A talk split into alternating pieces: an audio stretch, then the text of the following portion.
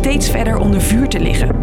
Russische militairen rukken op. We have an information that um, Kiev will be um, bombarded. En het heeft allemaal te maken met de visie van Vladimir Poetin. De Russische president heeft zo zijn eigen idee over hoe de verhoudingen in Oost-Europa moeten liggen.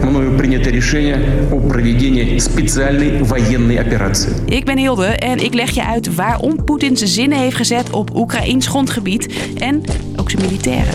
Lang verhaal kort. Een podcast van NOS op 3 en 3FM.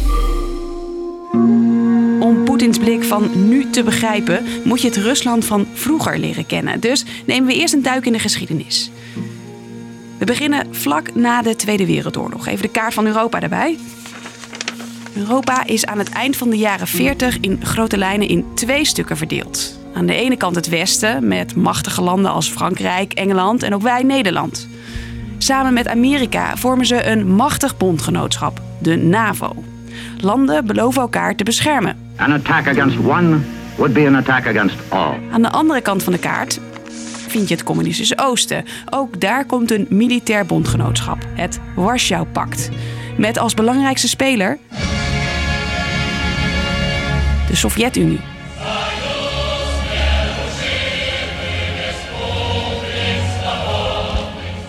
Aan beide kanten hebben ze veel kernwapens. En in de tientallen jaren na de Tweede Wereldoorlog dreigen beide partijen elkaar aan te vallen. Onder het opperbevel van generaal Eisenhower bouwen de landen van het Atlantisch Pact een strijdmacht op die sterk genoeg zal zijn om een verdere opmars van de dictatuur te voorkomen. de Koude Oorlog. Steeds als het echt mis lijkt te gaan, worden er afspraken gemaakt om die wapens niet te gebruiken. De Koude Oorlog eindigt in 1991. Dan valt de Sovjet-Unie uit elkaar. Goedemorgen, dames en heren. Staatsgreep in de Sovjet-Unie. Losse landen blijven over. De NAVO, die blijft wel bestaan. Sterker nog, sommige voormalige Sovjetlanden sluiten zich daarbij aan. En daar is Rusland als grootste overblijfsel van die oude Sovjet-Unie niet blij mee. Poetin noemt het uiteenvallen van de Sovjet-Unie de grootste geopolitieke tragedie van de 20e eeuw. Hij vindt dat er na de Koude Oorlog niet genoeg naar zijn land is geluisterd. En volgens universitair hoofddocent Larin Krump heeft Poetin het dan over eind jaren 80. Er is toen eh, gezegd dat de NAVO geen inch naar het oosten uit zou breiden. Het lastige is, die belofte is nooit op papier gezet. Dus Poetin zegt dat het zijn land beloofd is, de NAVO zegt van niet. Dat verklaart waarom na de Koude Oorlog landen als Polen en Hongarije, maar ook oude Sovjetlanden als Estland, Letland en Litouwen zich konden aansluiten bij de NAVO. Tot woede van Moskou. Want Poetin ziet die landen als zijn achtertuin, de Ruskimir. Mir. Poetin zit ook Oekraïne als onderdeel daarvan en is daarom niet blij met de plannen van de Oekraïense regering om zich ook aan te sluiten bij de NAVO. Ukraine is ready to become a member of NATO and it will become a member of NATO in the very upcoming time. In 2013 begonnen in het land protesten van Oekraïners die af wilden van de pro-Russische regering. De president van toen vluchtte en sindsdien leunt Oekraïne meer naar het westen. Poetin reageerde daar een jaar later op door een Oekraïns schiereiland voor de kust van Rusland in te nemen, de Krim. Президент Российской Федерации Владимир Путин приветствует и поздравляет. Een belangrijke tactische stap, want als er in een land een gewapende oorlog is, dan mag zo'n land geen lid worden van de NAVO. Dus gaat er voorlopig een streep door toetreding van Oekraïne. Nu is dus de rest van Oekraïne aan de beurt.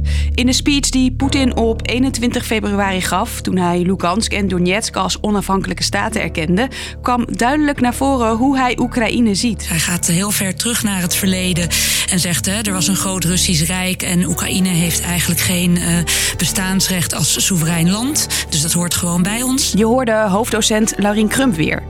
Ook uitgever Dirk Sauer, die al meer dan 30 jaar in Rusland woont, ziet dat Poetin maar één ding wil. Ik heb hem allereerst leren kennen als een pragmatische en handige politicus. Maar nu is het iemand met een eh, haast religieuze eh, missie eh, om Oekraïne als land te vernietigen. En daar heb ik me toch in verkeken. En stel, hij krijgt zijn zin in Oekraïne.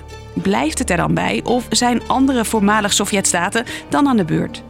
EU-leiders spraken zich al uit over de bescherming van Georgië en Moldavië. Twee landen waar Rusland ook al tijden troepen heeft tegen de wil van die landen. En die dus ook niet lid zijn van de NAVO. Voormalig NAVO-baas Jaap de Hoop Scheffer vindt dat we overal rekening mee moeten houden. Hij is onberekenbaar en hij wordt verteerd door wrok en rancune. Uh, en dan moet je, vind ik, niets uitsluiten. Dus, lang verhaal kort.